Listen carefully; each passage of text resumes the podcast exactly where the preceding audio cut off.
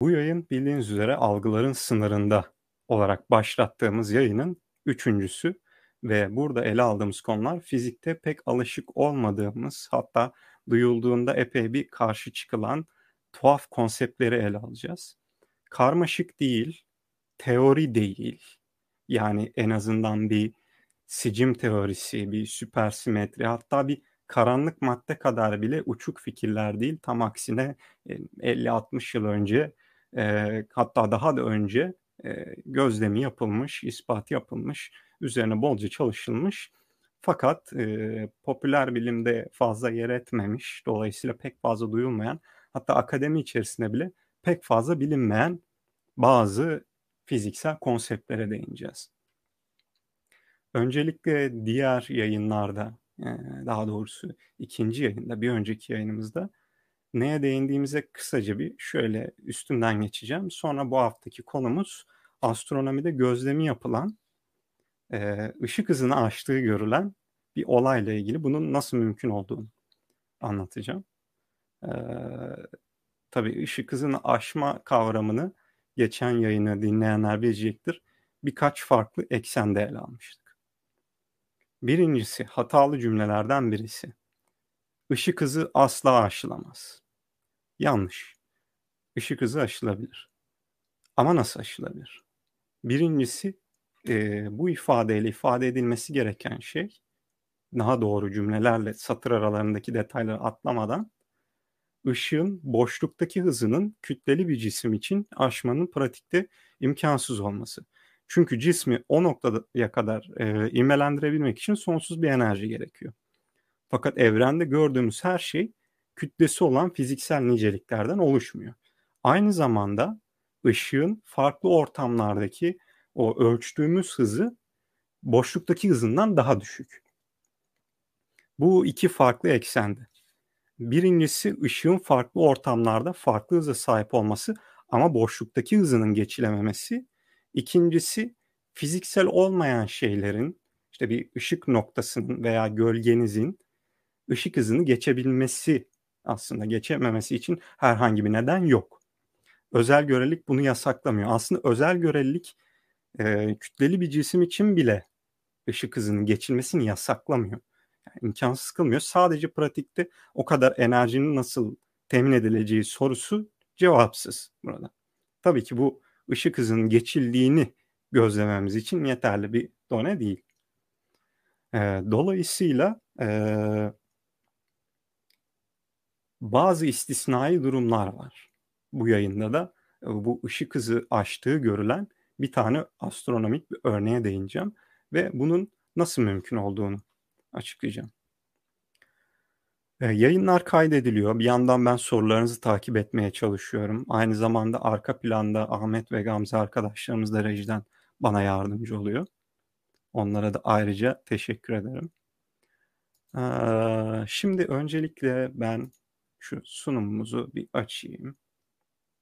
Hızlıca geçen hafta ne yaptığımıza değinip sonrasında e, kendi konumuza başlayacağız. Evet. Sanırım ekrana gelmiş oldu. Gelmiş. Tamam. Devam ediyorum.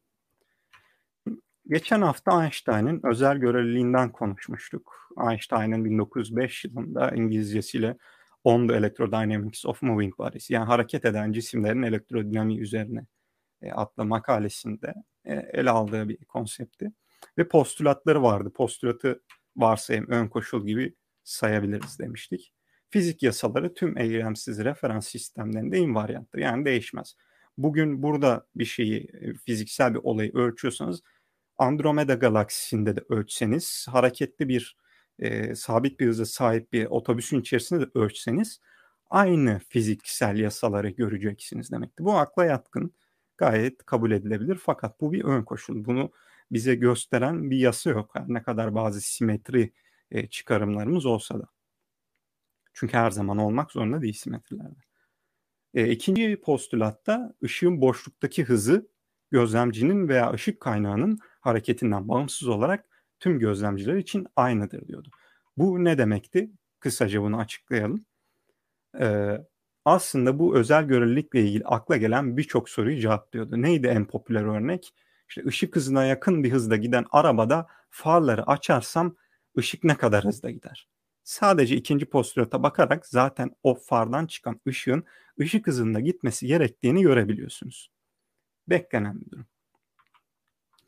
Fakat tabii ki postülat, aksiyom, kabul, varsayım olduğunu söylemiştik. Eğer böyle e, postülatlarla bir fikir ortaya atıyorsanız bulduğunuz sonuç bunlarla uyumlu olmalı. Deneylerle ve gözlemlerle de uyumlu olmalıydı.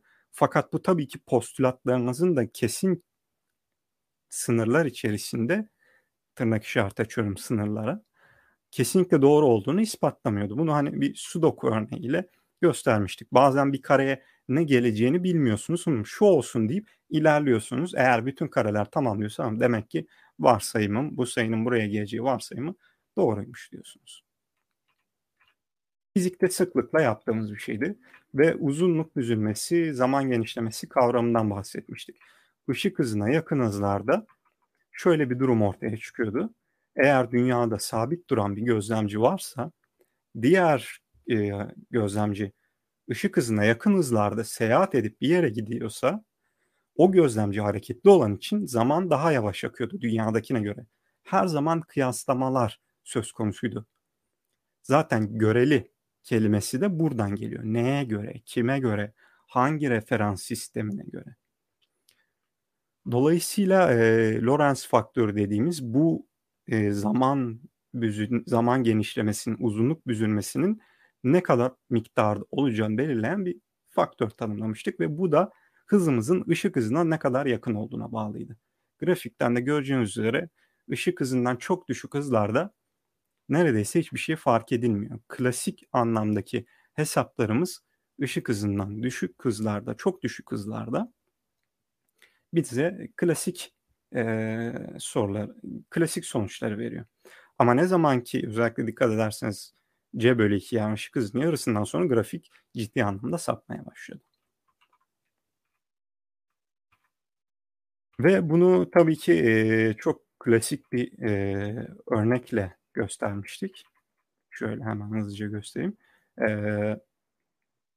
neydi olayımız? Miyonların gözlemi. E, bazıları bu özel göreliliğin gerçekliğini anlamakta zorlanabiliyor. Ya nasıl işte dünyadaki bir e, ikiz dünyada birisi dururken diğerini işte Mars'a gönderdiğimizde ışık hızına yakın bir hızda ya da işte Andromeda'nın bilmem neresine gönderdiğimizde geri geldiğinde dünyada yüz binlerce milyonlarca yıl geçmiş olurken nasıl oluyor da ölmüyor? Bu kişi nasıl yaşlanmıyor? Bunu tabii ki sezgilerimizle anlamak çok zor. Çünkü neydi bu yayını algıların sınırında koymamızın nedeni? E, algılarımızın gündelik hayatta tecrübe ettiğimiz olaylarla şekillendirilmiş olmasıydı. E biz gündelik hayatta hiçbir zaman ışık hızına yakın hızları tecrübe etmiyoruz. Dolayısıyla bu konseptler bize şaşırtıcı geliyor. Bu son derece doğal bir şey. Lakin şunun bilinmesi için bu miyonların gözlemi örneğini koymuştuk. Bu e, çok iyi çalışılmış, yüzyıldır bilinen bir sürü detayla, bir sürü deneyle, bir sürü gözlemle doğrulanmış bilinen bir fizik yasası artık. Öyle ki artık özel görelilik çalışan e, özel görelilik çalışıyorum ben diyen bir fizikçi diyemezsiniz. Çünkü artık özel göreliğin her şey çalışılmış ve biliniyor neredeyse. Dolayısıyla bunu e, öncelikle bir benimsemeye çalışmakta fayda var. Miyonların gözlemi şu şekildeydi. Miyonların biz bu bir temel parçacık tıpkı bir foton, elektron gibi. E, miyonlar da bir temel parçacık ve parçacık fiziğinden biliyoruz ki miyonların ömrü 2.2 mikrosaniye. Yine e, etkileşimlerden, parçacık fiziğindeki etkileşimlerden bildiğimiz üzere atmosferin üst katmanlarına çarpan bazı kozmik ışınlar piyonlar aracılığıyla miyonların oluşumuna neden oluyor. Şimdi bunların nerede, atmosferin hangi katmanda falan olması gerektiğini biliyoruz. Dolayısıyla oluştuğu katmanda eğer 2.2 mikrosaniye ömre sahipse yere ulaşamaması gerekiyor. Klasik x eşittir vt denklemini kullanırsak. Şimdi klasik x eşittir vt denklemin işe yaramayacağını söyledik. Çünkü müyonlar ışık hızının %99.8'i hızında hareket ediyor. Çok yakın. Dolayısıyla onların önlerindeki uzunluk büzülüyor ya da bizim perspektifimize göre onlar için zaman daha yavaş akıyor. Onlar için geçen 2.2 mikrosaniye bizde 34.8 mikrosaniyeye tekabül ediyor. 34.8 mikrosaniyeyi denklem değerine koyacak olursanız 10 kilometre hareket edebilmeleri gerektiğini buluyorsunuz ki bu nasıl olup da miyonları deniz seviyesinden görebildiğimizi açıklıyor. Şimdi yine ben böyle aralıksız soluksuz konuşuyorum. Bazen böyle çok heyecanlanıyorum konuşurken. Biraz duraksamam gerekiyor. Yoksa ya nefessiz kalıyorum ya da boğazım kuruyor. Yalnızca bir G ivmelenmeyle uzay yolculuğuna değinmiştik. Ee, klasik anlamda yine bildiğiniz gibi ivme formülü nedir? İşte ilk hız eşittir, özür dilerim son hız eşittir ilk hız artı ivme çarpı zaman. Dolayısıyla ne kadar süre ivmelenirseniz o kadar hıza sahip olursunuz ama ışık hızını aşamayacağını biliyorsunuz. Dolayısıyla esas denklem bu değildi. Denklemi bu şekilde vermiştik. Dolayısıyla sadece bir G. Bakın şu anda hissettiğimiz ivmelenme bu. Ve savaş pilotları 8-9 G'lere kadar dayanabiliyor. Tabii o noktada artık e, kan e, çekilmeye başlıyor. Şuurunuzu kaybetmeye başlıyorsunuz. Ama 1G çok rahat tolere edebildiğimiz şu anda bize ağırlığı kazandıran ivme aslında. Sadece bu ivme ile evrende ne kadar seyahat edebiliriz'e baktığımızda gözlenebilir evrenin sınırına 45 yıl gibi bir sürede gidebildiğimizi görüyorduk. Bakın 45 milyar ışık yılı. Sayı tesadüfen çakışıyor bu arada. 45 milyar ışık yılı gibi mesafeye 45 yıl gibi bir insan ömrü süresinde gidebiliyordunuz. İşte nedir? Samanyolu'nun merkezi için, Andromeda için bu 25 yıl gibi komik bir süreydi ki 2-2,5 milyon yıl mesafeden bahsediyorsunuz. Bunun sebebi sizin önünüzdeki seyahat ederken uzunluğun büzülmesi ya da dünyadaki kişiye göre zamanın genişlemesiydi. Sizde zaman yavaş akarken orada uzun akıyor. Bunun tek problemi şu. Dünyaya geri döndüğünüzde dünyada milyonlarca, milyarlarca yıl geçmiş olur. Dolayısıyla siz zamanı e, çok yavaş tecrübe ederken geri kalan yerlerde zaman çok hızlı akabilir. E, dünyada bir sevdiğinizi bırakıyorsanız bu ciddi bir problem ama evrende seyahat etmeniz için ışık hızının sınırlı olması bir problem değil. Buna değinmiştik. Şimdi ups, hemen dönelim, ilerleyelim. Relativistik görsel etkilerden bahsetmiştim. Şöyle bir binalarımız olsun ve bu buranın ekranın içerisine ve dışarısına doğru ışık hızına yakın hızlarda gidersek ne olur diye düşünmüştük. Eğer bu etkileri hesaplarsak böyle bozulmuş, yapısı değişmiş şekiller görüyoruz. Bugün inceleyeceğimiz örnek de aslında biraz bununla ilgili olacak. Tam olarak olmasa da. Ama neden aslında bununla örtüşüyor. Geriye giderken de bakın derinlik algısının neredeyse kaybolmuş gibi olduğunu görüyorduk. Bunun bir de parlaklığı etkisi vardı. Merkez kısım parlarken geri kalanlar daha koyu görünüyordu. Dışarı çıktığında ise neredeyse her yer aynı oluyordu. Şimdi bu e, aynı zamanda bize şunu söylüyor. E, bazı etkileri ışık hızına yakın bize doğru gelirken görüyoruz. Bizden uzaklaşırken değil. Bu açıklayacağım üstünde biraz düşünmenizi istediğim bir nokta. Bakın ileriye doğru giderken ise binalar bir nevi bize yaklaşmış oluyor. Yani o şekilde de görebiliriz bunu. Ve orada belirli bir etki görüyoruz ama uzaklaşırken görmüyoruz. Bu önemli bir sonuç. Neden olduğunu daha iyi anlayacağız şimdi. Bu yayında değişeceğimiz şey ışık hızından hızlı görünen zamazingolar hakkında dedim. Yani zamazingo kelimesini kullanmayı sevdiğim için. Çünkü nasıl adlandırmak isterseniz öyle adlandırabilirsiniz. Tabii ki bunun bir teknik ismi var söyleyeceğim. Bunu da geçenlerde e, işte bu ışık hızından hızlı YouTube'da ne yayınlanmış diye bakarken Fermilab'ın e, videosunda Why can't you go faster than light? Niye ışık hızından hızlı gidemezsin? Ya da niye gidemezsiniz? Dediği görselden aldım. Şimdi böyle deyince ışık hızından hızlı gidebilir miyiz? İşte Einstein yanıldı. Hemen bu sahte bilim şeyleri vardır. Her yayında sahte bilime değinmesem olmaz. Çünkü bu konsept olarak çok fazla manipülasyona açık bir konu. Ve e, ışık hızından hızlı hareket mümkün konusu bunu sıklıkla e, ne yazık ki kaptırıyor. İşte bazı insan bunu tabii parodi olarak yapmışlar. Bu görseli oradan aldım. İşte Einstein was wrong, işte faster than light is possible falan filan. E, siz bilim insanları yanlışsınız ünlem ünlem. Bu ünlemler zaten paket olarak geliyor bu grubun içerisine. Eğer bu gruba dahilseniz size bir mesaj geliyorsa muhakkak böyle 8-10 tane ünlem falan oluyor içerisinde. Burada da onu iyi yansıtmış. Birkaç yerde böyle çok ünlem işareti görebilirsiniz. Her neyse bunlar tabii ki işin şakası. Işık hızını geçmenin ne şekilde mümkün olduğunu, hangi sınırlar altında mümkün olduğunu anlatacağım. Tabii ki bir parçacık için bunu anlatmıyorum. Bir araç için bunu söylemiyorum. Bu önemli. Bir aracın ışık hızını geçmesini anlatmayacağım. Şimdi malum gözlemimiz şu. Hemen e, ismini de göstereyim. V838 Monocerotis. Ve e, sanırım yani genel olarak onun için kullanılır variable star, değişen yıldızlar e, V ile adlandırılır genelde. Sanırım buradaki olay da oydu. Solda farklı zaman aralıklarda alınmış görüntüleri görüyorsunuz. Ve ne zaman başlamış? Hubble tarafından çekilmiş. 20 Mayıs 2002'de başlamış. 2 Eylül 2002, işte 2002, 2002, 2004 en son görsel. Belirli aralıklarla çekilmiş görüntüleri görüyorsunuz. İki, yaklaşık 2 yıl boyunca.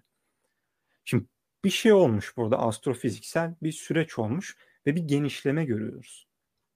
Şimdi bu görüntüyü gören birisi ne düşünür? Ya bu bir novadır ya da bir süpernovadır. Yani e, orada bir bir anlık bir patlama olmuş.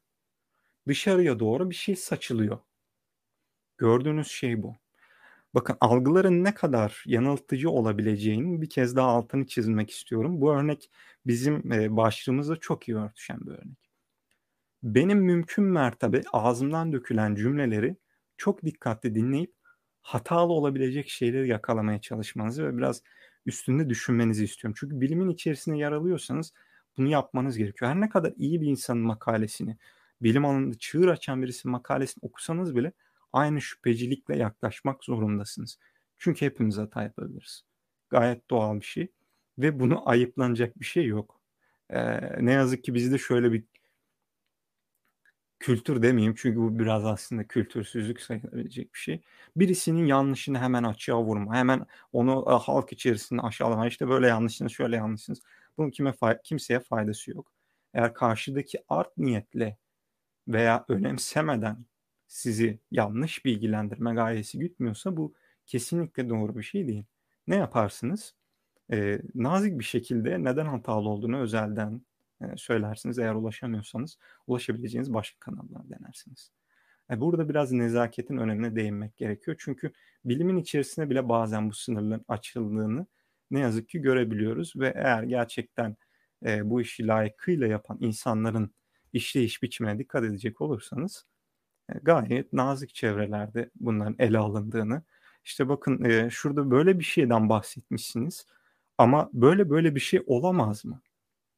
Yani bu benim biraz kafamı karıştırdı diyebilirsiniz. Bunun yerine genellikle şöyle oluyor. Burada böyle bir şey yazmış. Böyle saçmalık olur mu ya falan. Bu şekilde yaklaşım doğru değil. Dolayısıyla ne yapmanız gerekiyor? Karşıdakinin bir kere niye böyle bir şey sunduğunu sorgulamanız lazım. Bunun en iyi yolu da onu buna sormaktır. Bunu ona sormaktır. Neden böyle bir şey düşündünüz? Şimdi burada ve 838 Monocerotis'te gerçekleşen olay bir kabuğun merkezden dışarıya doğru yayıldığını görüyoruz. Şimdi nedir burada ilk algılanacak olan şey? E, bir şey dışarıya doğru genişliyor. Ama bakın bu böyle olmak zorunda değil. Burada gerçekleşen olay aslında light echo dediğimiz ışık ekosu diye sanırım Türkçeleştirebiliriz bunu. Bir fenomen. Burada astrofiziksel olarak artık ne oluyorsa e, işte bir süpernova veya bir nova patlaması değil bu. İlk yapılan şey böyle bir gözlem olduğunda acaba gözlemlerimiz hatalı mı diye düşünmektir. Yani bunun genişlemesini çok rahat ölçebiliyorlar. Çünkü oraya olan mesafe belli, ne kadar genişlediği belli. Basit trigonometri kullanarak onun ne kadar geniş olduğunu, e, ne kadar sürede de genişlediğinizi bildiğiniz için hangi hızla genişlediğini çok kolay bir şekilde bulabiliyorsunuz. E, baktığınızda bu genişlemenin ışık hızından çok hızlı olduğu ortaya çıkıyor. wow işte Einstein yanılmış işte bulduk evrende sonunda ışık hızını aşan bir şeyler. Yani aklı selim hiçbir fizikçi direkt böyle iddialarla ortaya çıkmıyor. Tabi bazen popüler olma gayesiyle vesaire bu tür şeyler yapılabiliyor. Yani çok e, başarılı fizikçilerin, çok iyi astrofizikçilerin, işte Harvard'ın bilmem ne profesörünün bile uçuk kaçık şeyler yaptığını görebilirsiniz. Bunlar ne yazık ki e, farklı amaçlar güttüğü için öyle yapılan şeyler oluyor. Genellikle gerçekten onu söyleyen kişi öyle olduğunu düşünmüyor. Düşünebilirdi. Ama burada yine bir sahte bilim vurgusu yapmak lazım. E, mesela geçen yayında da söylediğim Harvard'dan fizik profesörünün bir asteroid Oumuamua diye bir asteroid vardı. Böyle uzun bir asteroidti. 2007 2017 yılında geçmişti dünyanın yakınlarına ya da güneş sisteminin içerisinden diyeyim. İşte Avilov çıktı. Harvard'ın sanırım eski astrofizik bölüm departman başkanıydı aynı zamanda. Bölüm başkanıydı. Dedi bu uzaylılara ait bir yapı. Yani bu öyle doğal bir asteroid falan değil. Ve sonradan bunun akademi içerisinde tabii ki çok ciddi tartışmalar döndü ve Avilov aynı zamanda set araştırmalarını yapan kişiyle e, Zoom üzerinden özür dilerim bir tartışma yaparken ciddi anlamda agresif bir tutum sergilediği için de çok fazla kınandı. Ve tabii ki e, bu biraz dikkat çekme odaklı bir şeydi.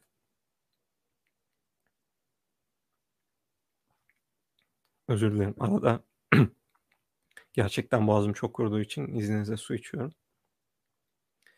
Şimdi e, ne demek istiyorum? Aviloab'in yaptığı neden yanlıştı? Neden çok fazla eleştirildi? Onun beklentisi böyle şeylerin ilgi çekip daha fazla yatırıma destek olacağı yönündeydi. Ama bunun yöntemi şu yüzden yanlış. Çünkü sahte bilimin önünü açıyor. Nedir işte bakın Harvard'da profesör işte söyledi. Sonunda gizem ortaya çıktı. Herkesten saklıyordu. Büyük oyun NASA hepimizden gizliyordu. Harvard'da profesör itiraf etti falan oluyor bir anda. E, lakin e, olay öyle bir şey değil. E Harvard'da bir tane profesör yok. Dünyada da bir tane profesör yok. E, Aviloab Einstein olsa bile Einstein gibi bir sürü insan var. Neden diğerleri, diğer geri kalan %99.999'u dinlemiyorsunuz da aradan çıkan bir kişiyi dinliyorsunuz. Bu biraz komple teorilerinde işte büyük oyunu bozan kişi e, algısıyla e, inanılan bir görüş. Tabii ki hiç doğru değil. Zaten Aviloab'de o fikrin ne kadar doğru olabileceğinin farkında. Ben yazayım. E, ee, ve hani e, tartıştığı kişinin adı da sanırım Cilt Arthur'dı. Şuradan isimlerini de yayına göndermiş olayım. Merak edenler hani YouTube'da bu tartışmada ortaya çıkmıştı. Belki bulabilirsiniz. Ee, sonradan video kaldırılmıştı tam uzunlukta olan da hala duruyor bilmediğim için öyle söyleyeyim. Her neyse konumuza geri dönelim biz. Şimdi e, buradaki olay light echo dediğimiz bir şey. Şimdi bunun süpernova nova olup olmadığını anlamanın astrofiziksel yolları var. Birincisi zaten süpernovalar novalar belli karakteristikler yansıtırlar. Işık eğrilerinde olsun, spektrumlarında olsun. Burada öyle bir şey olmadığı görülüyor. E, gözlemlere bakılıyor ilk şüpheli olan aday o. Gözlemlerimiz doğru mu? Gözlemlerimiz de doğru. E, peki o zaman ne oldu burada? E, ışık hızın aşılamayacağını, dolayısıyla başka bir şeylerin olması gerektiğini düşünmek en akla yatkın şey. Çünkü neden aşılamayacağına dair elimizde sayısız kanıt var zaten. Şimdi burada olan olay merkezdeki yıldız bir astrofiziksel süreçten geçiyor. Ne olduğu e, sanırım tam anlaşılabilmiş değil. Ya üzerine bir gezegen düşüyor ya da başka bir yıldızla birleşme yaşıyor ve bir anlık parlaklığı sanırım 10 bin kat kadar artıyor. Ama bu kısa bir süreliğine. Dolayısıyla bu bir ışık sinyali yaratıyor.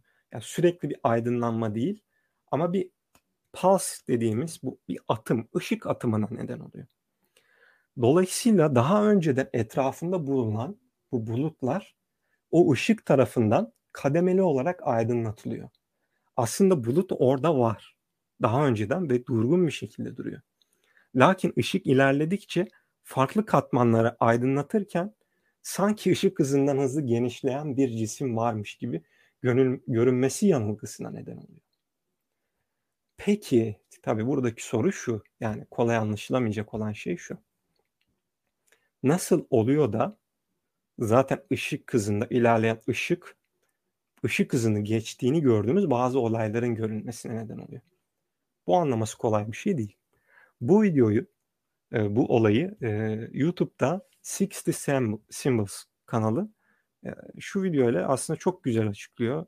Bu aynı zamanda benim çalışma konumda olduğu için e, bunları bir yandan hobi olarak da takip ediyorum. Yani hem profesyonel hem hobi olarak takip ediyorum. İşte kimler ne anlatmış bu konuda diye. Gerçekten çok tatmin edici açıklamaları var.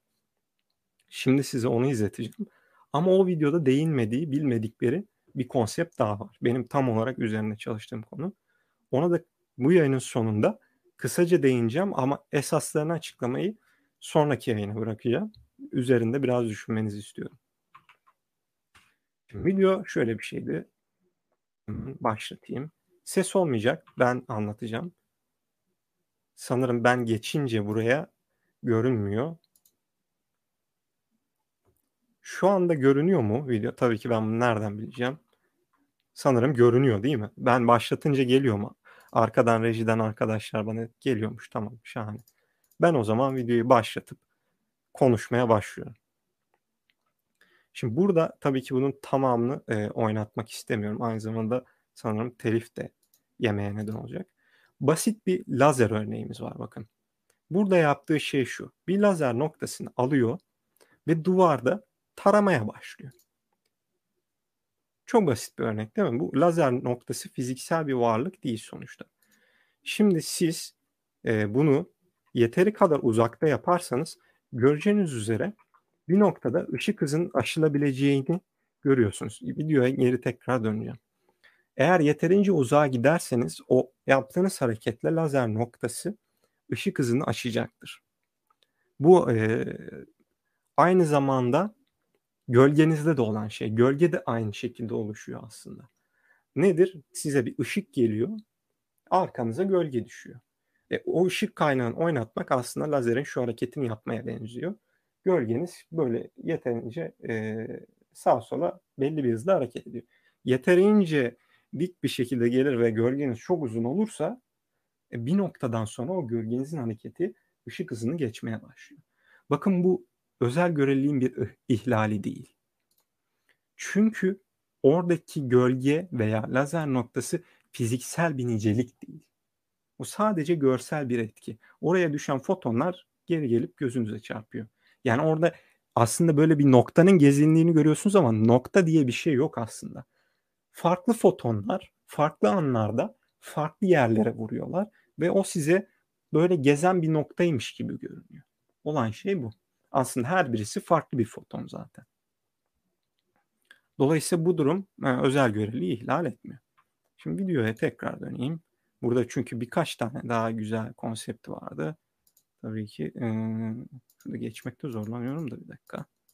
Ah, geçemedim. Şöyle hızlıca veriye salsam daha kolay olacak sanırım. Burada tabii ki nasıl olabileceğini anlatıyor. Buradaki çok güzel görselle açıklamışlar. Bu genişleme gerçekleşirken dikkat ederseniz merkezden her yöne aynı anda ışık dağılıyor ve etrafta bir bulut var. Şimdi burası şu örneğin sol köşe bize yakın olan ön köşeden daha uzakta. Dolayısıyla buradan gelen ışık aslında daha farklı bir zamanda ulaşıyor. İşte bütün etkiye neden olan şey aslında buradaki gecikme. Böyle sanki ışık hızından hızlı genişliyormuş gibi olmasına neden oluyor. Çünkü dediğim gibi durdurdum tekrar hemen geri döneyim. Dediğim gibi farklı noktalardan farklı zamanlarda geliyor ama onlar halbuki aynı zamanda aydınlanıyor. Şimdi neydi olay? Bir şeyin diyelim bir aracın böyle soldan sağa gittiğini görüyorsunuz. Bunun için şöyle bir şey söylemiştim. Bir aracın soldan sağa gittiğini görebilmeniz aslında iki şeye bağlıdır. Birincisi aracın soldan sağa gidiyor olmasına ama sadece buna değil. Aynı zamanda aracın hızının ışık hızına ne kadar yakın olup olmadığına bağlıdır, bağlıdır demiştim. Bu şuna genellenebiliyordu. Bir cismin ilerleyiş hızı ile e, o cisimden bize ulaşan bilginin ilerleme hızı arasındaki oran. Bütün etkiyi belirleyen şey bu. Burada hız ışık hızına çok yakın olduğu zaman bu etkiler e, bir takım optik fenomenler nedeniyle ispatını da göstereceğim birazdan. Işık hızını aşıyormuş gibi görünüyor. Şimdi peki nasıl oluyor? Yani bu e, gördüğünüzde hemen ikna edici bir şey değil. Kabul ediyorum. Ama dediğim gibi çemberi düşünün. Merkezde bir cisim her yöne ışık saçıyor. Her yer aslında aynı anda aydınlanıyor. Ama o aynı anda aydınlandığının bilgisi size aynı anda gelmiyor. Şimdi gündelik bir olayda görürken ne yapıyorsunuz? Odanın içerisinde lambayı lap diye açıyorsunuz. Her yer aynı anda aydınlanıyor. E çünkü yani odanın boyutuna bakacak olursanız ışık hızı yani nanosaniyeler mertebesinde aydınlanıyor her yer çünkü. Ee, ama büyük ölçeklerde olay böyle değil. Ee, biz o köşenin aydınlandığını görebilmek için belirli bir zaman geçmesi gerekiyor. Ve o zaman geçtiğinde öndeki kısım daha fazla ilerlemiş olduğunu görüyoruz. Dolayısıyla sanki bir hız farkı varmış gibi oluyor. Şimdi bunun matematiksel olarak nasıl olduğunu ispatlayacağım tabii ki. Ops videoyu geçemedim. Şöyle videodan çıkayım. Çıktım sanırım. Tamam. Şimdi biz buna süperlüminer hareket diyoruz. Yani ışık hızından hızlı hareket. Şimdi buraya kadar bir soru varsa aslında soruları alayım. Ben de aynı zamanda bir izninizle tekrar yudumlanayım.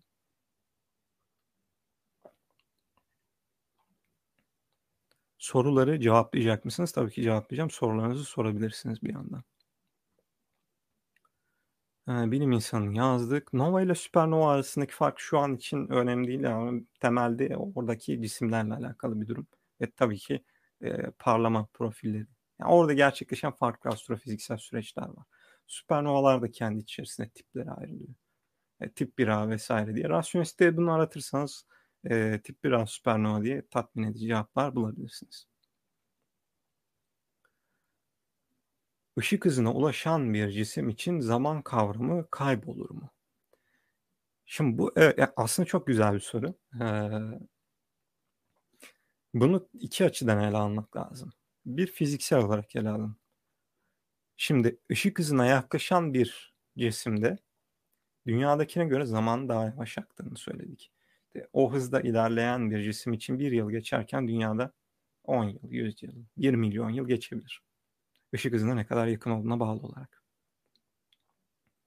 Ee, dolayısıyla şöyle de bir sonuç var. Altını çizmek lazım. Siz bunu hissetmiyorsunuz. Sizde her şey, bütün fiziksel olaylar aynı şekilde yavaşladığı için ve slow motion moduna falan girmiyorsunuz. Sizin için yine zaman şu anda aktığı gibi akıyor ama dünya bir geliyorsunuz bir bakıyorsunuz. Çok uzun zamanlar geçmiş. Bunları kıyaslayana kadar fark etme olasılığınız yok. Dolayısıyla fiziksel olarak baktığımızda ışık hızına yaklaştıkça yani aslında zamanı teknik olarak e, değiştiğini zaten hissetmiyor o cisim. Yani burada e, aynı zamanda o hıza asla ulaşamayacağının, yakınlaşabileceğinin altını çizmek lazım. Bir diğer sorun. Özür dilerim. Bir diğer sorun şu. E, felsefi, biraz daha felsefi açıdan yaklaşacak olursak. Eee eğer siz zamanı tecrübe etmiyorsanız zaman diye bir şeyden zaten söz edemezsiniz. Yani olmayan bir şeyin varlığını e, anlatmaya çalışmaya bahs çalışmaya hmm, bahsetmeye çalışmak oluyor bu. Dolayısıyla hani bu felsefede tabii ki detaylı tartışmaları var. E, dolayısıyla iki açıdan da aslında bu problem, bu soru biraz muğlak kalıyor. Ve hani genellikle daha kesin konuştuğumuz limitlerde kalmayı tercih ediyoruz. Az önce bir soru vardı. Hı, teşekkür ederim. Biz ışık denen kavramı görüyoruz biliyoruz ama göremediğimiz varlığından haber almadığımız ışık hızından daha hızlı maddeler var olmaz. Hı, bu da çok güzel bir soru. Ya ışık hızından hızlı gittiği için bir şey onu göremeyeceğiniz anlamına gelmiyor. Bu ne zaman olur? Ancak şu şekilde olur. Ee, konuyla biraz alakasız olacak. O nedenle bunu bu konudan alakası olacağı için bahsetsem mi bahsetmesem mi diye düşündüm. Işık hızından hız şöyle özetleyeyim. Işık hızından bir şey hızlı gidiyorsa onu yine görebilirsiniz. Çünkü o cisim ışık saçıyor olmalı görebilmeniz için. Dolayısıyla ışık hızından hızlı ne kadar gittiği fark etmiyor. O an bulunduğu konumdan ışık çıkacağı için aradaki mesafe kat edebildiği sürece o ışık siz onu görürsünüz. Sadece o cismin ölçtüğünüz hızını algılama biçiminiz değişir. İşte o da ikinci, e, dördüncü yayında bahsedeceğim şey olur. Şimdi süperlüminal harekette bunun nasıl mümkün olduğuna değineceğim. Bunun e, YouTube diyorum. Wikipedia'da e, makalesi var. Super, Superluminal Motion diye arattığınızda çıkıyor. Bunları tamamen oradan aldım. Ve hani bunu ispatlaması da oldukça basit. Şimdi burada olan olay nedir?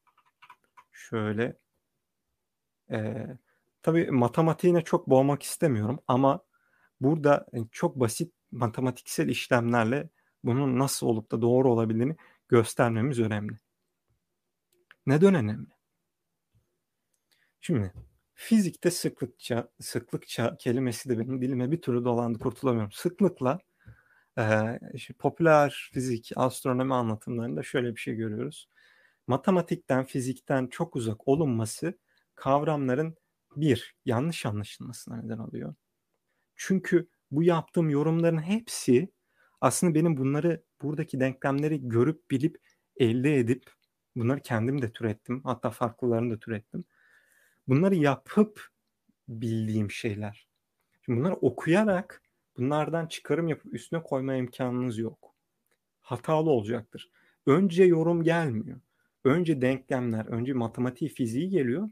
Sonra bunları sınayıp yorumlarını yapıyoruz. Aa işte bu denklem böyle oldu. Demek ki böyle olduğunda böyle olurmuş. Şimdi bunun nasıl olduğunu size göstereceğim. Nasıl oluyor da bu cümleler ağzımdan dökülebiliyor? Neye dayandırarak bunları söylüyorum? Onu söyleyeceğim. İkinci problemi bu popüler bilimde. Bunları anlatmamanın problemi. İnsanlar bunların çok kolay şeyler olduğunu düşünüyor. Bu örnekte aslında gerçekten kolay. Hani size belki karmaşık görünebilir ama günümüz fiziğini düşünecek olursak bu inanın gerçekten çok basit bir matematiğe dayanıyor. Yani basit trigonometri ve basit bir türev hesabı. Hiçbir şey değil. Hani bunu aslında teknik olarak bir lise öğrencisi bile yapabilir. Bakın bu az önceki e, astrofiziksel olayın ispatı olacak. Yani orada gerçekleşen olaya cevap getirebilmenin aslında bir lise öğrencisi için bile mümkün olabildiğini söylüyorum. Ama bunu sözle yapamayacağını söylüyorum. İspatı gerekiyor. Nedenini ortaya koyabilmek lazım. Olay şu. Şimdi hemen e, lazerimi açayım. Şuradaki O noktası genellikle observer için ya da origin için kullanırız bunu. Bizim bulunduğumuz nokta. Burada A noktasından T1 zamanında herhangi bir zaman bu. Bir jet fırlıyor.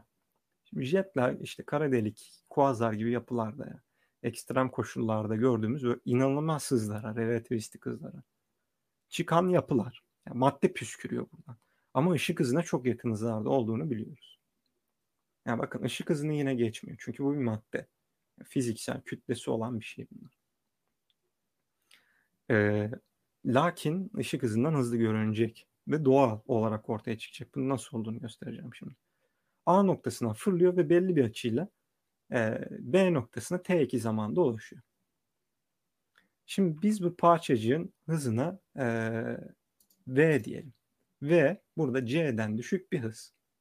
Ve T1'den T2'ye gitmesi için gereken süreyi de delta T diyelim. Dolayısıyla X eşittir V çarpı T. Çok basit fizik yani. E, bu mesafenin V çarpı delta T olduğunu bulursunuz. Eğer ben şu açıya teta dersem, teta'nın ne olduğu önemli değil.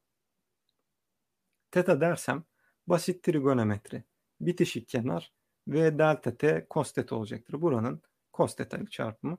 Dik kenarda ve delta t'nin sin theta ile çarpımı.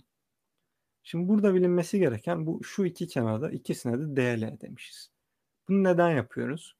Çünkü şuradaki fi açısı var ya bu açı e, astronomide bizim yaptığımız gözlemler genellikle çok küçük açılardadır.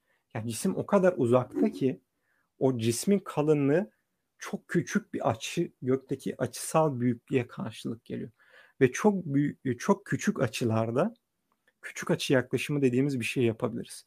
Ve e, şu kenar yaklaşık olarak şu kenarın uzunluğuna e, yaklaşık eşit olur. Bunu yapmakta bir problem yok. Ve gerçekten de öyle olduğunu göreceksiniz. Şimdi ilerleyeyim. Şimdi burada yaptığımız şeyler işte bu AB'nin uzunluğunu az önce belirttik. AC'yi belirttik. İşte şurası, burası. Delta T'nin ne olduğunu işte T2 ile T1 neydi? Jetten bir madde A'dan fırlıyordu. B'ye ulaşıyordu. Ne kadar sürede ulaşıyordu? Delta T sürede ulaşıyordu. T1 üssü diye ayrıca bir zaman tanımlıyoruz burada.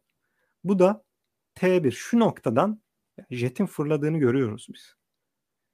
Jet fırlıyor. Buradan bize aynı zamanda ışık çıkmaya başlıyor. Işık yol kat ediyor. Jet burada ilerlerken ışık da belli bir miktar şöyle yol kat ediyor. B'ye ulaştığında da atıyorum burada bir maddeye çarpıyor.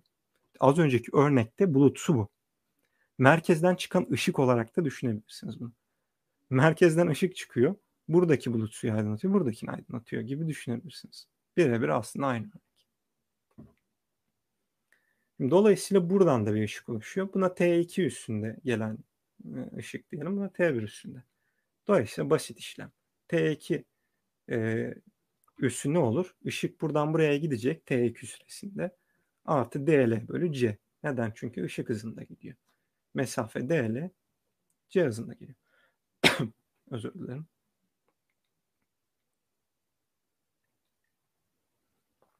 Keza A'dan çıkan ışık da işte şu DL mesafesi artı işte şu mesafe bölü C. Çünkü ışık bu e, yolu ışık hızında kat edecek bu mesafe. Tabi de T1 zamanı. Bir, çoğunlukla pratiklik olsun diye başlangıç zamanını sıfır kabul ederiz ki hani oradan bir terim gitsin. Yani e, orayı sıfır zamanı kabul etmenin hiçbir sakıncası yok bizim için. Ama bu örnekte bırakmışız.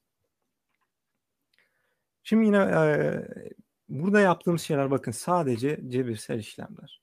E, bir ifade kullanıyorum, topluyorum, çarpıyorum, çıkarıyorum ya da basit trigonometri. Bundan sonra trigonometri biliyor. Basit işlemler yapıyorum. Nedir? İşte delta t üssünü tanımlamış. t2 üssü eksi t1 üssü dolayısıyla. Burada bir ifade etmiş. Burada beta ifadesini göreceksiniz. Beta v bölü c'ye. Özel görelilikte de bunu kullanırız. E, hatırlarsanız sürekli şunu diyorum. O cismin hızının ışık hızına olan oranı. Burada esas farkı yaratan şey bu. Derken işte burada tam olarak beta parametresine atıfta bulunuyorum. Yani bunu öylesine sadece matematiksel kolaylık olsun diye koymuyoruz. Beta burada bir anlam ifade ediyor aynı zamanda. Şimdi tabii burada bir, bir takım işlemler yapıyoruz. Düzenleme falan yapıyoruz açıkçası. Çok ne oldu önemli değil. İşte BC'yi şuradaki mesafeyi ifade etmişiz. DL sim fi. İşte küçük açı yaklaşımından dolayı sim fi aynı zamanda fi olur. Dolayısıyla bunu yazdığımızda şöyle bir ifade gelir gibi gibi. Şimdi burada biraz karışık kaçmaya başlayabilir sizin için. Önemli değil. Ne olduğunu anlatmayacağım. Ee, yani meraklısı için koydum bunları. Ama çok basit bir ispat olduğunu bilin, görün, anlayın istiyorum. Şimdi burada yapılan şey şu. Bakın kabulümüz şu. Beta 0 ile 1 arasında. Ne demek bu? Hız ışık hızından düşük. Bu kabulü yapıyoruz ve vardığımız çıkarım şu oluyor. Şu şuradaki hızın enine hızı bulmaya çalışıyoruz. Nedir bu? Cismin yanal genişleme hızı. O gördüğümüz genişlemesi var ya. Onun ne olacağını anlamaya çalışıyoruz bu denklemlerle oynayarak. Ve kabul ettiğimiz şey şu. Parçacık ışık hızından yavaş gidiyor. Ama tabii ki ışık oraya çarptığında bize oradan gelen bilgi ışık hızında geliyor. Bunun nasıl bir sonucu olacağını anlamaya çalışıyoruz. Burada transverse velocity, apparent transverse velocity dediği şey görünür o enine hızından bahsediyor. Ve bunu bulduğumuzda şöyle bir takım işlemler yaptığımızda şöyle beta gamma gibi bir ifade görüyoruz. Gamma yine aslında özel görelilikte de bildiğimiz Lorentz faktörü özür dilerim. E, beta neydi? V bölü C kareydi. Özel görelilikte hatırlarsanız böyle bir terim vardı. Buna benzer bir terim vardı. Şimdi bu şu demek. Bakın e, V bölü C'ydi ya beta. Burası ne olabilir? V eşittir C olursa burası sıfır olur. Yani ne oluyor? 1 bölü 0 sonsuza gitmeye başlıyor. Ne demek bu? Işık hızına yakın hızlarda gamanın değeri çok büyük demek. Ama bakın ışık hızını geçmiyor. Işık hızına yakın hızlarda gamanın değeri çok büyük. Fakat beta birden küçük. Nedir? Olayı özetlemeye çalışıyorum. Bakın bu terimler denklemin içerisinde yer alan o ifadeler aslında bir anlama sahipler. Burada ışık hızından yavaş bir şeyler var ama etki ışık hızından çok büyük olmaya başlıyor.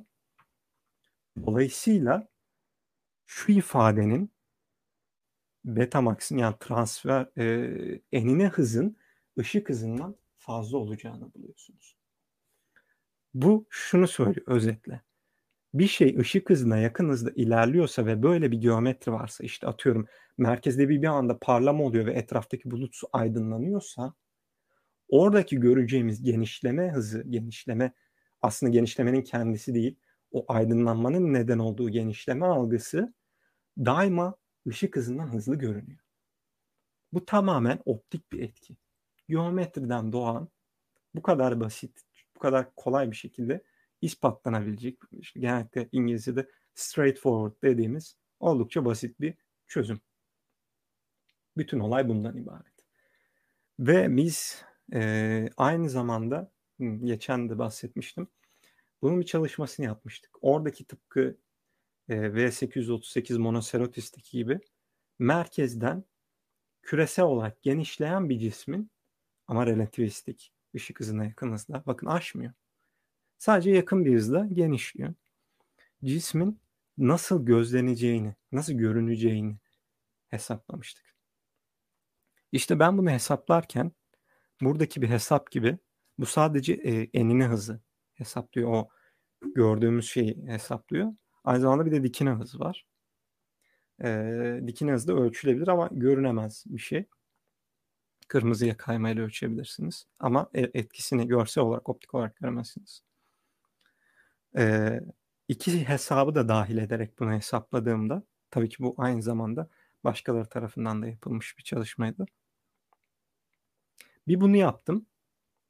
Bir de şöyle bir şey yaptım. Ben o küreyi genişlettim ve genişledikçe belli zaman aralıklarında foton gönderdim ve gözlemci ne görüyor?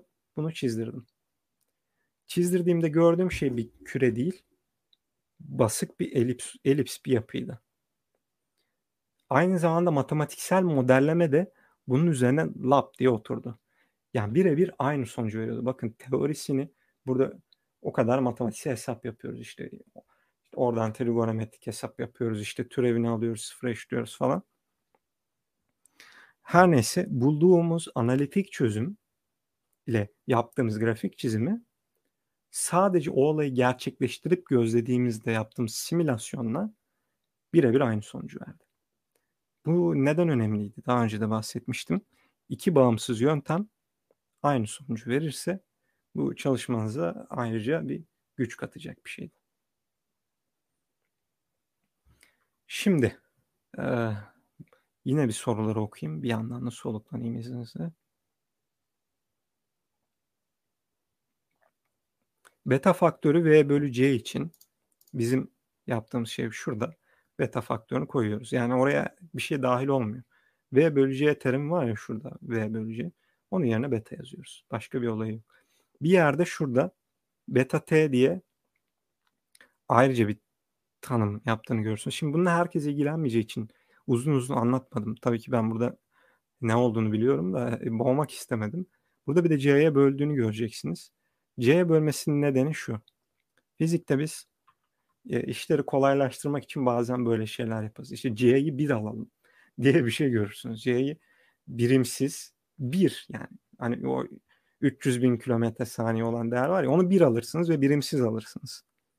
Bu işlemleri kolaylaştırmak içindir. Yaptığınız matematik hesapta böyle abuk subuk yüksek rakamlar uğraşmak yerine ışık hızı cinsinden bulmak içindir. Sonuç işte atıyorum 0.5'tir.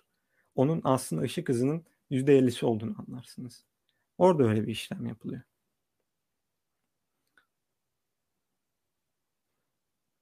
ışık hızından hızlı görünmesi ne demek?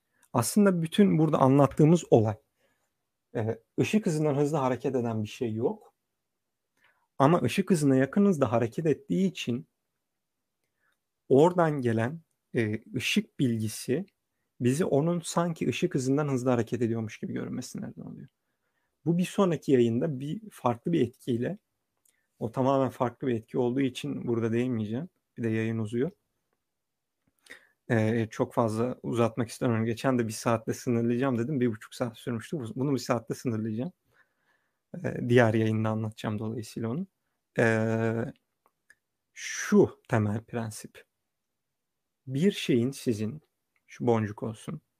Bu boncuğun buradan buraya gidiyor olmasını görmenizin nedeni bunun hızının ışık hızına göre çok düşük olup buradan buraya gitmesi. Ama bu ışık hızına yakın bir hızda buradan buraya giderse şuradan ışık çıktığı anda bir yandan bu ilerlemiş olacak. İlerlediği için şimdi onun animasyonu göstereceğim. İlerlediği için aslında o orada değil. Gördüğünüz yerde olmuyor. Dolayısıyla aradaki mesafeyi de hesaba katınca tuhaf etkiler görmeye başlıyorsunuz. Ha, şimdi bir sonraki yayında anlatacağım konsepte dair ipucu veren bir video koyacağım. Sanırım pointer'dan çıkmam lazım. Şimdi burada göstereceğim şey ışık hızının yarısında soldan sağa hareket eden bir parçacık. Ortadaki nokta biziz. Bakın şuradan soldan sağa yukarıda yol boyunca bir parçacık ilerleyecek. Ve ışık hızının sadece %50'siyle dikkat edin. Her noktaya ulaştığında bize ışık geliyor. Şuradaki parçacık, düz ilerleyen parçacık bizim işte ışık hızının yarısı hızında hareket eden parçacığımız. Her bir noktaya vurduğunda oradan bir lamba açılıp bize ışık ulaşıyormuş gibi düşünebilirsiniz. Bakın ikinci noktaya ulaşmasına rağmen hala biz bu olayı görmedik. Şu anda buradan buraya kadar geldi. En baştan buraya kadar geldi. Ama biz hala onu en başta görüyoruz. Bakın üçüncü noktaya geldi. Hala biz bu parçacığın ilerlediğini görmedik. Şimdi ışık hızından düşük bir hızda ne oluyor? O noktaya geldiği anda sıp diye hemen ışık size ulaşmış oluyor. Dolayısıyla sıp sıp sıp sıp sanki anlık olarak ilerleyişini görüyormuşsun gibi oluyor. Ama anlık olarak görmüyoruz biz hiçbir şeyi. Sadece günümüzde gündelik hayatta tecrübe ettiğimiz bizim algılarımızı yaratan şey bizim ölçülerimizin çok küçük olması ışık hızına göre. Dolayısıyla her şey bir anda aydınlanıyormuş gibi geliyor. Ama kozmik ölçekte her şey bir anda aydınlanmayabiliyor. Ve bu işte bu ışık hızından hızlı ilerleme yanılgısına neden oluyor. Devam ettireyim. Bakın ilk ışık neredeyse tam ulaştı anda durdurdum. Ama dördüncü noktaya kadar geldi neredeyse. Devam ediyor. Bu şekilde ilerliyor. Bakın yakındayken olan şeye dikkat edin. Sadece iki tane ışık noktası yolda. Başlangıçta dört tanesi yoldaydı. Başlangıçta bilgi daha gecikmeli geliyordu çünkü mesafe farkı biraz daha fark fazlaydı. Şimdi burada keşfedeceğiz bir sonraki yayında da. Şu anda yazdığım makalede onunla ilgili. İki faktör var. Sadece iki faktör. Bir, cismin ışık hızına ne kadar yakın olduğu. İki, aradaki mesafe. Ama sonuç hiçbir zaman değişmiyor. Sadece ne şekilde olacağını etkiliyor bu iki faktör. Ne olursa olsun sonuç hiçbir şekilde değişmeyecek. Nitekim buradaki parçacık ışık hızından hızlı parçacık için demiyorum. Kütleli bir şey unutun. Lazer noktası olabilirdi bu mesela. Ne oluyor burada? Soldan sağa duvarı aydınlatıyorum lazer noktasıyla. Ve oradan fotonlar sekip bana geliyor işte. Olan olay aslında bu. Ve bildiğiniz üzere artık o ışık hızını geçebilir. Işık hızını geçerse ne olur? İşte bunun cevabını bir sonraki yayında ele alacağım. Ama burada önemli ipuçları var. Bakın bize yakın olduğu noktada dikkat ederseniz iki tane top kalmışken iki tane lazer noktası yoldayken başlangıçta o noktaya gelene kadar 4 tanenin 3 tanenin orada olduğunu görüyoruz. Ama yakınlaştıkça dikkat ederseniz sanki olay daha anlıkmış gibi olmaya başlıyor. Ne demek orada iki tane kalması dört tane yerine? ışık daha az gecikmeli geliyor demek. Bu tamamen mesafe ilişkisinden, mesafe ve hız ilişkisinden kaynaklanıyor. Bir diğer dikkat edilmesi gereken nokta yakınlaşırken olan şeyle uzaklaşırken olan şeyin birazcık farklı olması. Bakın en uca geldiğinde dikkat ederseniz yine aslında 2-3 tane var. Ama başta buradan buraya gelene kadar 4 tane vardı. Bunları biraz düşünmenizi istiyorum. Bu bunun diğer senaryoları hazır şu anda. Ee, yine ben hocamla bunu e, görselleştirebilmek için yapmıştım. Bunlar da bu arada Python'ın Manim diye bir kütüphanesi var. YouTube'da belki görmüşsünüzdür. Three Blue One Brown diye bir kanal var. Hemen e, referans vermiş olmak için onları yazayım. E, bu animasyonları, bu kütüphaneyi, Python kütüphanesini e, geliştiren kişi bu kanalın kurucusu Grant Sanderson. Açık kaynak yapmış. Biz de bu tür simülasyonlar için kullanıyoruz. Keza Rasyonist'in YouTube kanalına merak edip bakacak olursanız fizikle ilgili bunlarla birkaç gör- animasyonda paylaştık. Şimdi ben bunun V eşittir C, V eşittir 2C senaryolarında yaptım ama göstermeyeceğim. Düşünmenizi istiyorum. Çünkü bu üzerine düşünmesi çok keyifli bir olay. Ve benim bunu anlayabilmem inanın çok uzun zaman aldı. Tabii ki ben bunu sadece makale üzerinden okudum. Ee, animasyonu ben yaptığım için animasyonu yoktu. dolayısıyla bunu kağıt üzerindeki o denklemlere bakıp anlayarak e, algılarıma yerleştirmeye çalıştım. Ve tabii ki bu çok zor oluyor.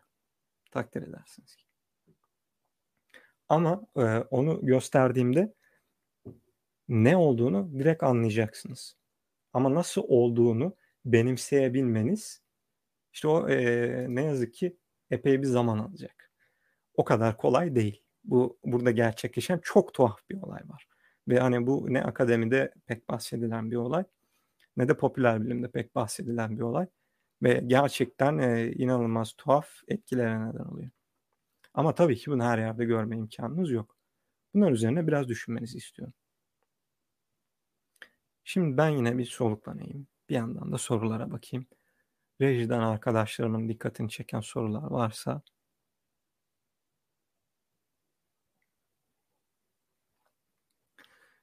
İki cisim birbirine zıt yönde 0.9 özür dilerim 0.9 c hızla gidiyorsa göreceli olarak ışık hızını aşmış olmuyorlar? Hayır olmuyor.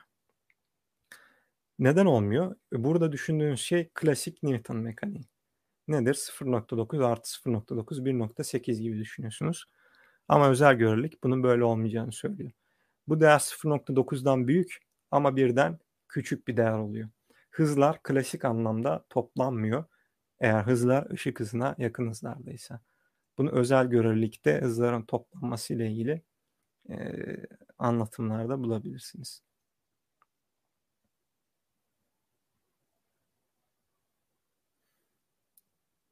Işığı geçmek için sonsuz enerji gerekiyorsa sonsuz enerji sonlu hıza e, neden sonlu hıza sebep oluyor? Şimdi sonsuz enerji diye ya bu biraz tabii felsefi bir yaklaşım olmuş ama ışık hızını geçmek için değil aslında. O noktaya ulaşabilmek için. Yani bu e, şöyle de yorumlanabilir. Denklemde onun ışık hızına eşit olması için enerjinin sonsuz olması gerekiyor. Şimdi bir, bir, bu bir problem dediğim gibi. Özel görelilik zaten bunun ilerisini geçmenizi teknik anlamda e, yasaklamıyor ve hani nedenselliği ihlal ettiğini söyleyen o büyük baba paradoksunun aslında bazı fizikçilerce neden mantıksız bulunduğunu bir önceki yayında da anlatmıştım. E, dolayısıyla aslında geçilebilir. Yani özel görelilik geçilemez demiyor daha doğrusu. Öyle değil nasıl geçilebileceğini açıklamıyor. Geçilmesi için de şu anda yeterli bir nedenimiz yok. Geçildiğini de görmedik. Ve gördüğümüz olaylar özel göreliliği yine ihlal etmiyor. Çünkü fiziksel nicelikler değil. Az önce bahsettiğim gibi. Bunlar lazer noktası gibi şeyler.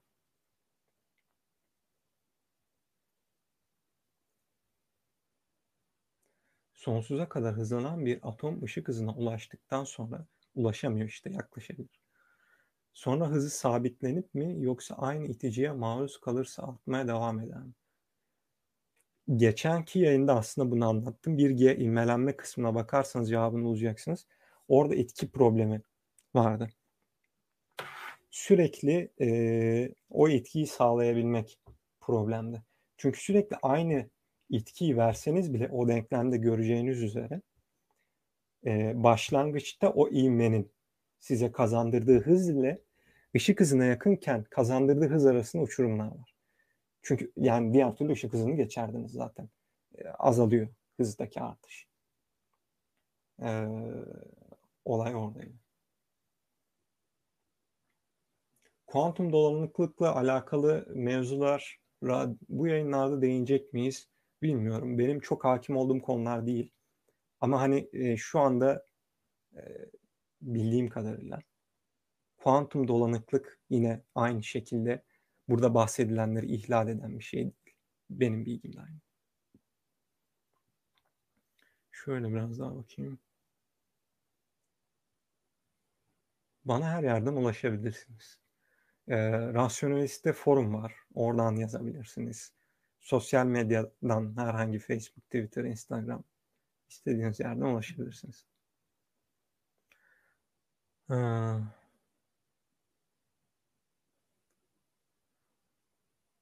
sanırım Kemal bir şey paylaşmış ama e, şu bunun ne olduğunu bilmiyorum. Ben tıklayamadığım için şu anda tıklayabilen varsa rejiden arkadaşlar ya da zaten paylaşmış merak edenler bakabilir. Light Echo. Ben ne olduğunu bilmiyordum. Bir yandan bakmaya çalışırım. Şurada hemen. Bakayım. Kendimi sesimi kapattım yanlışlıkla. Ee, bakayım hemen şöyle bir yandan da başka kaynaklar var mı diye sorular var mı diye bakıyorum. Hmm, evet burada bir atım göstermiş. Burada şeydeki ya bu problem şu. Ee, çok ölçülebilir görünmedi ama bununla ilgili çalışmayı hatırlamıyorum. Nerede vardı? Ya bu gö- görseli hatırladım. 2015 yılında olayı da hatırladım ama e, şeyi hatırlayamadım. Neredeydi bizim yayın? Şu an yayına geçemiyorum. Çünkü e, sekmemin önüne bir şey geldi pardon.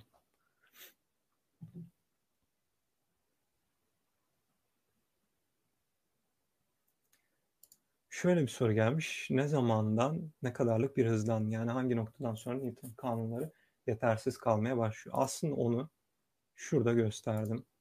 Yani onu geriye gidip de görebilirsiniz. Geri gidelim.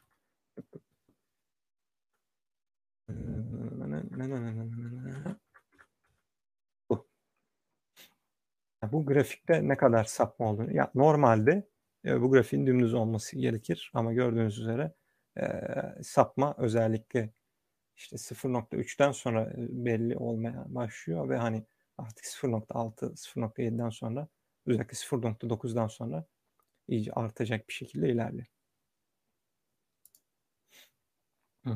Başka bakalım. Yavaş yavaş sonlandırmaya çalışıyorum. Bir saat sınırına bu sefer yetiştim. Az önceki e,